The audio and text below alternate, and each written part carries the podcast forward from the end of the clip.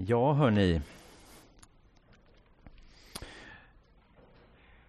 Tänk att det redan är inne i maj. Det går med stormsteg här om några veckor så är det pingst. Och då är, når vi slutet på faktiskt den här eh, bibelläsningsplanen som vi har följt nu sen, eh, ja, sen jul egentligen. Med, vi har fått följa Lukas författarskap här och Lukas evangeliet och in i apostlagärningarna där vi fortfarande befinner oss. Och så om ett par veckor här så ska vi också ta oss igenom, göra några eh, vad ska man säga, några eh, mellanlandningar i Galaterbrevet och sen avslutar vi på pingstdagen. Vi avslutar inte, vi fortsätter ju mötas till gudstjänster och andakter en bit in i sommaren också, men då blir det lite som ett brott ifrån det här temat. Men vi fortsätter med det här, eh, följa den här berättelsen om de här eh, vad ska man säga om den här gruppen människor, eh, den här församlingen som håller på att hitta vägen kan man väl säga. De är ju ute på minst sagt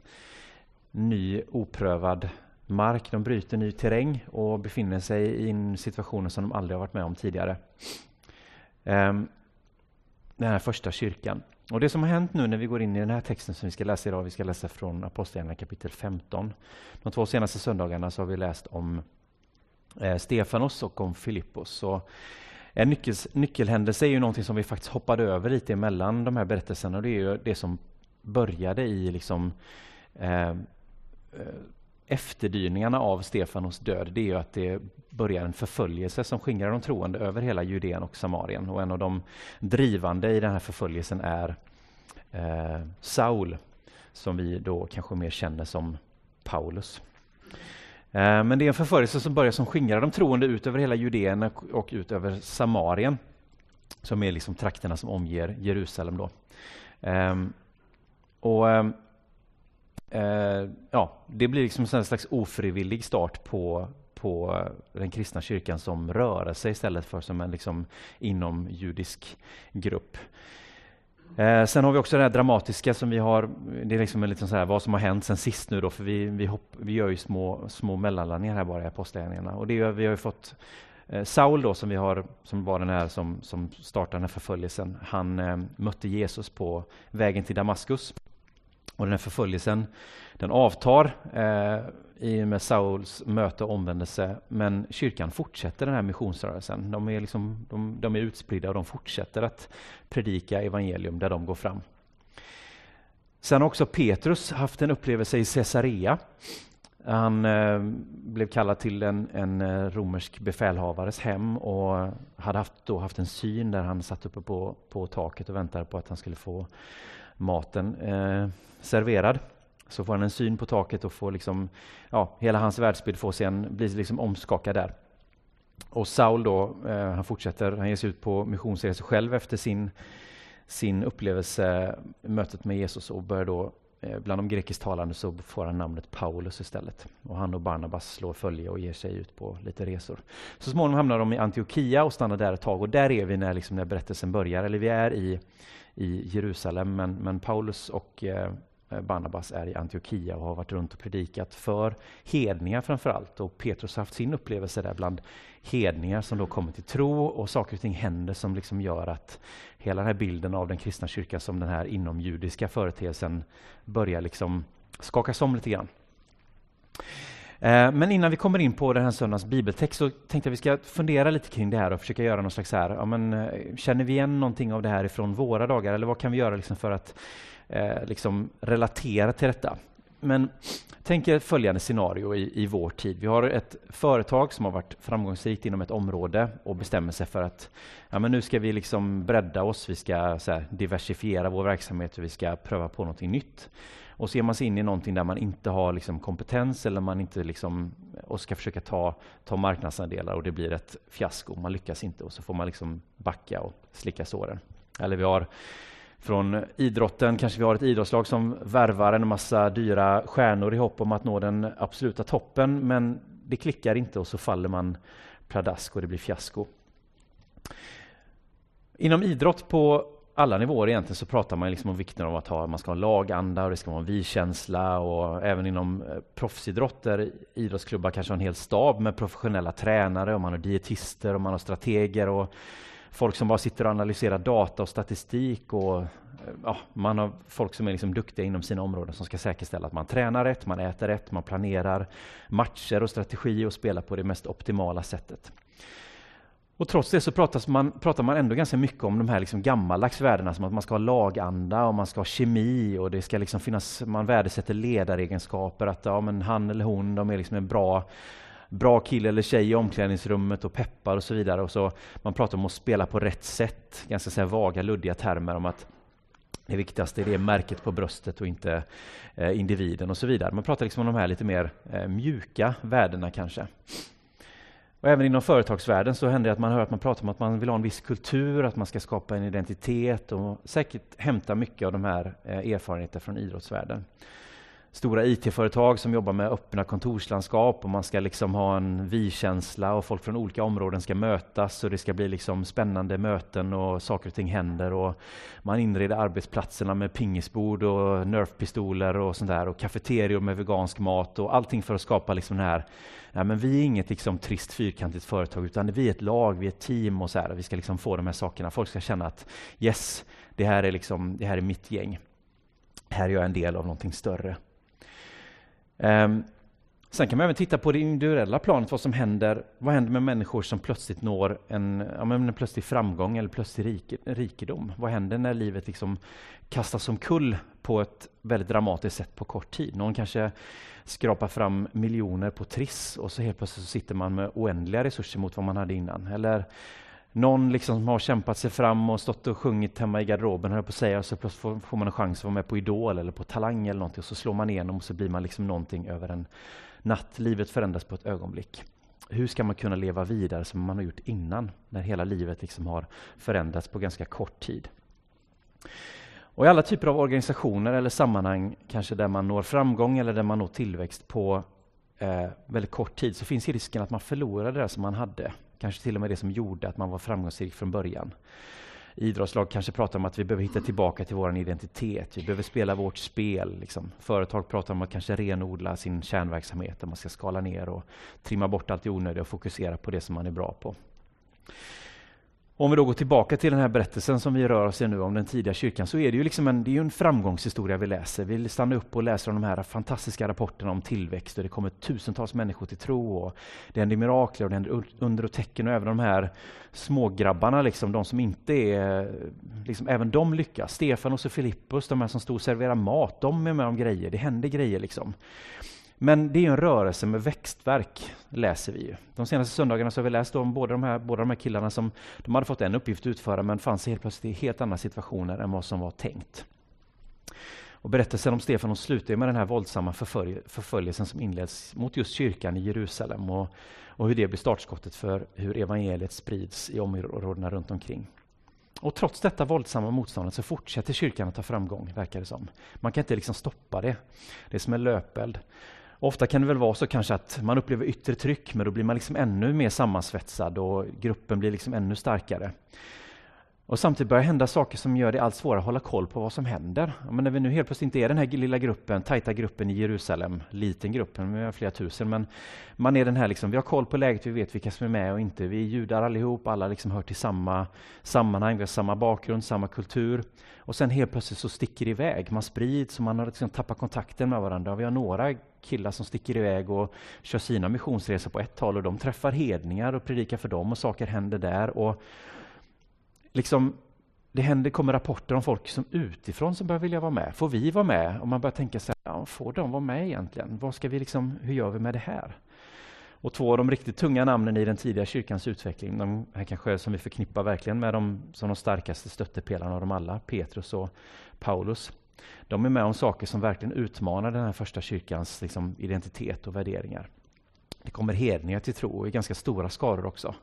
Folk som inte har alls samma bakgrund, inte alls samma kultur, inte alls samma historia. Det blir nästan som när man kan tänka man, man, man har ett idrottslag som rekryterar några storstjärnor, så kommer de in och så liksom tappar man den här kulturen och lagandan som gjorde en framgångsrik från början. Eller ett företag som köper in ett, helt, köper in ett företag och så slår man ihop dem och så har man två olika företagskulturer som inte liksom harmoniserar överhuvudtaget utan det bara krockar. Nu tänker jag att vi ska titta på den här texten och vi ska läsa den tillsammans och så ser vi vad vi kan eh, lära oss av detta. Och då läser vi från Apostlagärningarna kapitel 15 och vers 1 och eh, ett antal verser in i det kapitlet. Några som hade rest ner från Judeen ville lära bröderna att de inte kunde bli frälsta om de inte lät omskära sig efter mosaiskt bruk. Detta ledde till ständiga uppträden och diskussioner mellan dem och Paulus och Barnabas. Man beslöt då att dessa båda och några till skulle fara upp till apostlarna och de äldste i Jerusalem för att få frågan utredd av dem. Församlingen gav dem vad de behövde för resan och de for sedan genom Fenikien och Samarien och beskrev hur hedningarna använde sig, vilket väckte stor glädje bland alla bröderna. Vid sin ankomst till Jerusalem togs de emot av församlingen och av apostlarna och de äldste och de berättade om hur mycket Gud hade gjort genom dem. Men några från fariseernas parti som hade kommit till tro steg upp och sa att man måste omskära hedningarna och ålägga dem att hålla, att de att hålla Mose lag. Apostlarna och de äldste kom då samman för att utreda frågan. Efter en lång överläggning reste sig Petrus och sa mina bröder, ni vet att Gud i forna dagar valde ut mig ibland er så att hedningarna genom min mun skulle få höra evangeliets ord komma till tro. Gud, som känner allas hjärtan, har vittnat för dem genom att skänka den heliga anden åt dem, lika väl som åt oss. Han har inte gjort någon skillnad mellan oss och dem, utan har renat deras hjärtan genom tron. Varför vill ni då utmana Gud och lägga ett sådant ok på lärjungarnas axlar som varken våra fäder eller vi själva har orkat bära? Nej, vi tror att det är genom vår Herre Jesu nåd som vi blir frälsta och likaså dem. Då teg alla. Och man lyssnade på Barnabas och Paulus som berättade om de många tecken och under Gud hade gjort bland hedningarna genom dem. När de hade slutat tog Jakob till orda. Mina bröder, hör på. Simon har berättat om att Gud först såg till att han vann ett folk och sitt namn bland hedningarna. Till detta passar profeternas ord där det står Därefter ska jag vända tillbaka och bygga upp Davids fallna hydda. Ur dessa spillror ska jag bygga upp den och resa den igen. För att alla de andra människor ska söka Herren, alla folk över vilka mitt namn har utropats. Så säger Herren som har gjort detta känt för länge sedan. Ja, det där är ju en spännande berättelse. Spännande kanske är fel ord, tänker någon, men en intressant berättelse. För det här är ju återigen en påminnelse. Precis som flera av de andra ställena vi har läst tidigare så är ju detta en sån här det är kanske inte är den här vi tänker på när vi tänker på apostlagärningarna. När vi tänker på apostlagärningarna så tänker vi på Paulus och Barnabas ute på sina missionsresor, de blir förföljda, det händer saker. De hamnar i fängelse och blir räddade mitt i natten. Petrus hamnar i fängelse och blir räddad mitt i natten. Det är liksom dramatiska saker som händer i den här tidiga kyrkans liksom explosionsartade tillväxt och de är med om häftiga saker hela tiden och vi kan liksom läsa den och bli liksom inspirerad och känna att wow, vilka förebilder och vilket liv och man kan längta efter det och känna så här, tänk om vi kunde få vara med om detta och så vidare. Och sen läser man de här liksom passagerna som vi kanske hoppar över ibland, som är just de som vi har landat i de här söndagarna, vilket jag kan tycka är lite roligt, för det visar en annan sida av myntet. Och det är ju det här att det var ingen dans på rosor i den tidiga kyrkan. Det är växtverk och det skaver ibland. Och det som är viktigt att notera i den här texten är att här är det ju, det här är ju ingen konflikt mellan de här grupperna. Det är inte judar mot hedningar som börjar bråka om vad som gäller, som vi kanske läser senare i kyrkans utveckling, där det liksom blir grupper som ställs mot varandra, utan här är någonting som uppstår inom den judiska gruppen, där man funderar på hur ska vi göra med det här? Liksom, det är ingen total harmoni och alla tycker exakt likadant och man är ett hjärta och en själ och det är liksom alla är ense. Och det, det är liksom, utan det är en hel del grejer som dyker upp som man måste ta ställning till. Saker man kanske inte alls var förberedd på och inte alls hade tänkt att ja, men det var väl inte det här vi skulle hålla på med. Jesus gav ju oss ett bud och det lät ju, så kändes ju som att vi ska ut och göra häftiga grejer. och det, Allt det här tjafset, var kom det ifrån? Vad ska det vara bra för? Men det är liksom inom den här judiska gruppen. Och inte ens, jag menar det är lätt att läsa nu att ja, det var några fariseer som kom, ja, där har vi dem igen. Vi blir aldrig av med dem. Jag tänkte nu när vi liksom lämnade Lukas evangeliet och kom in, liksom, okay, nu, är vi, nu är vi liksom förbi evangeliernas tid, då slipper vi väl fariseerna. De är ju hela tiden på och ska tjata och göra det jobbigt. Men eh, Paulus är ju också farisé, han kommer ju också från den gruppen. Det är ju en av Paulus gäng som kliver fram, några av dem som kliver fram och säger detta och tycker att men nu måste de omskära sig och hålla Mose lag. Vi kan inte liksom bara släppa in folk och sen inte ha några kriterier att förhålla sig till. Vi måste ju ha någon slags, liksom, det måste finnas någonting som vi, vi måste kunna ställa lite krav på att man anpassar sig till den här nya. Om ni kommer här utifrån så måste ni ju anpassa er efter våran kultur. Ni måste ju, vi har ju våra traditioner här, så här gör vi. Ni måste ju följa det. Ni måste ju bli som oss om ni vill vara med oss. Ehm, jag lyssnade på ett eh, radioprogram i veckan och då var det två, eh, två som satt och diskuterade. De pratade om de hade varit och tittat på, eh, de har inte varit på plats. Jag vet inte hur det är nu med om man får komma in på eh, idrottsevenemang får man fortfarande inte komma in på, men de har varit på någon, något ställe och sett en, en fotbollsmatch. Jag tror det var Malmö FF mot något. Och den ena av dem, han är liksom så här hardcore Malmö FF-fan och den andra var lite mer sådär, ja men kul att titta på fotboll. Och han var så helsåld på detta, tyckte det var jättekul. Så han har gått och köpt sig en halsduk och skulle liksom, såg så fram emot nästa gång att han skulle vara med. Och den andra kände liksom lite att, nej men det var jättekul att du var med, men det känns liksom inte som att du är en av oss riktigt. Det var liksom, han köpte inte liksom det här att du bara Ja men den här, ja, men nu har jag ju halsduken, jag kan väl sitta bland er och, och heja liksom och det är väl jättekul. Men det var liksom på något sätt, det skavde lite. Det var inte liksom helt okej okay, tyckte han att det var så här. Och det här är ett exempel på det här med liksom, man har sådana identitetsmarkörer pratar man om. Man har saker som talar om vem som hör till det kan liksom vara klädesplagg, det kan vara yttre attribut, det kan vara vissa beteenden som liksom talar om och som gör det liksom lätt för oss att se Okej, okay, vi pratar samma språk, vi kan signalerna, vi har, kan liksom the secret handshake, hur man gör för att känna sig och visa att man är en del i gänget. Och nu vill jag inte säga att den judiska, mång, flera tusen år gamla traditionen är samma sak som att heja på ett idrottslag, men bara för att liksom Eh, vi ska kunna relatera till det på ett, med liksom vardagliga termer här, vi som inte har judisk bakgrund. Då.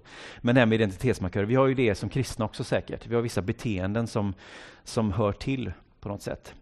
Jag hörde en intervju med en, en judisk akademiker som pratade om att, han sa att vi hade inte varit vad vi var idag, han pratade om det judiska folket, om inte vi hade haft omskärelsen och en kokbok. Liksom. Med kokbok, då han menar alla de här korser och hur man ska äta, vad man inte ska äta och så vidare. Han pratar om identitetsmarkörerna.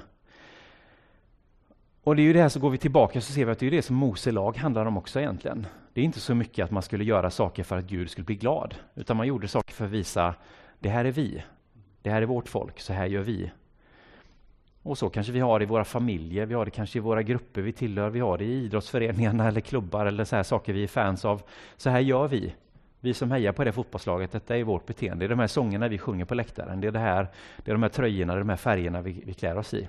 Om du går på en Malmö FF-match och du står där i, liksom, jag vet inte, AIK-matchtröja mitt i klacken där, så är du inte en i gänget. Det är ganska uppenbart att du inte hör till. Det, det skaver. Du sticker, inte, du sticker ut i det sammanhanget. Eh, och tittar man på det judiska folkets historia Eh, så även om jag menar antisemitism är fortfarande verksam och en, en högsta grad en verklighet idag, vi ser det i Sverige också, så är det många idag som kanske menar att det största hotet mot den judiska identiteten är kanske inte, jag menar även om vi tittar tillbaka på historien, vi ser på eh, förintelsen och det som hände under andra världskriget och andra förföljelser, så är det kanske inte just den här förföljelsen, man kanske inte är rädd för utplåning i den bemärkelsen, utan det man kanske oroar sig mest för idag är just att assimileras, att man blir en. Det är liksom ingenting som skiljer oss åt längre. Vi är, det är ingen skillnad på, man tappar de här identitetsmarkörerna. De som ändå utmärker oss, som visar att ja, men det här håller jag på för att jag vill visa vad jag tillhör. För att det är viktigt för mig att visa vad jag hör till för, för grupp och för folk. Och det är ju det den här diskussionen handlar om. Jag tror inte det är i första hand att vi ska läsa den här texten och tänka ah, där kommer skurkarna igen, fariseerna, nu ska de hålla på att stänga folk ute hela tiden. Utan de är måna om att behålla identiteten. Hur gör vi i en, när någonting växer snabbt? Hur gör vi när det liksom växer explosionsartat, det kommer in massa nytt folk? Hur gör vi för att behålla den här, i brist på bättre jämförelser, men lagandan och kulturen? Hur behåller vi den? Hur är vi fortfarande vi, när det kommer en massa nytt folk in? Det är detta den diskussionen handlar om. Ehm, och nu är det ju en annan tid och en annan kultur och vi kanske inte pratar om ska vi omskära oss eller inte. Det till, till och med Petrus säger ju det här att, de här orden att varför ska vi lägga ett sånt ok på lärjungarnas axlar som varken våra fäder eller vi själva har orkat bära? Vad menar han med det? Ja, men han menar kanske då, jag menar att, att då kräva att vuxna människor blir omskurna. Han menar Petrus att det hade inte ens vi pallat med. Om någon hade krävt att vi skulle omskära oss i vuxen ålder, det hade inte ens vi gjort. Varför ska vi då kräva av de här nya att göra det? Vad kan vi lära oss? Vad kan vi, hur kan vi relatera den här situationen till våra liv och våra dagar? Vad är det för identitetsmarkörer som vi vill trycka på folk och tvinga på folk? Vad är det som vi ser som de grundläggande, liksom, ja, men det här är vad vi måste hålla på? Och kan det vara så att de blir ett hinder för människor att komma in? Lägger vi ok på människor när vi kräver att man ska bete sig på ett visst sätt eller vara på ett visst sätt? Som eh, Barnabas svarade där att eh, nej, men det är genom vår Herre Jesu nåd som vi blir frälsta och likaså dem. Det är inte genom att bära det här oket, utan det är genom att Jesu bror som under den här perioden har klivit fram, han var inte en av de ursprungliga tolv, men han har klivit fram som en av ledarna i församlingen där. Han säger att det här det är ett tecken på att Gud gör någonting nytt, att hedningarna kommer in och inkluderas i den här gemenskapen, det är ett tecken.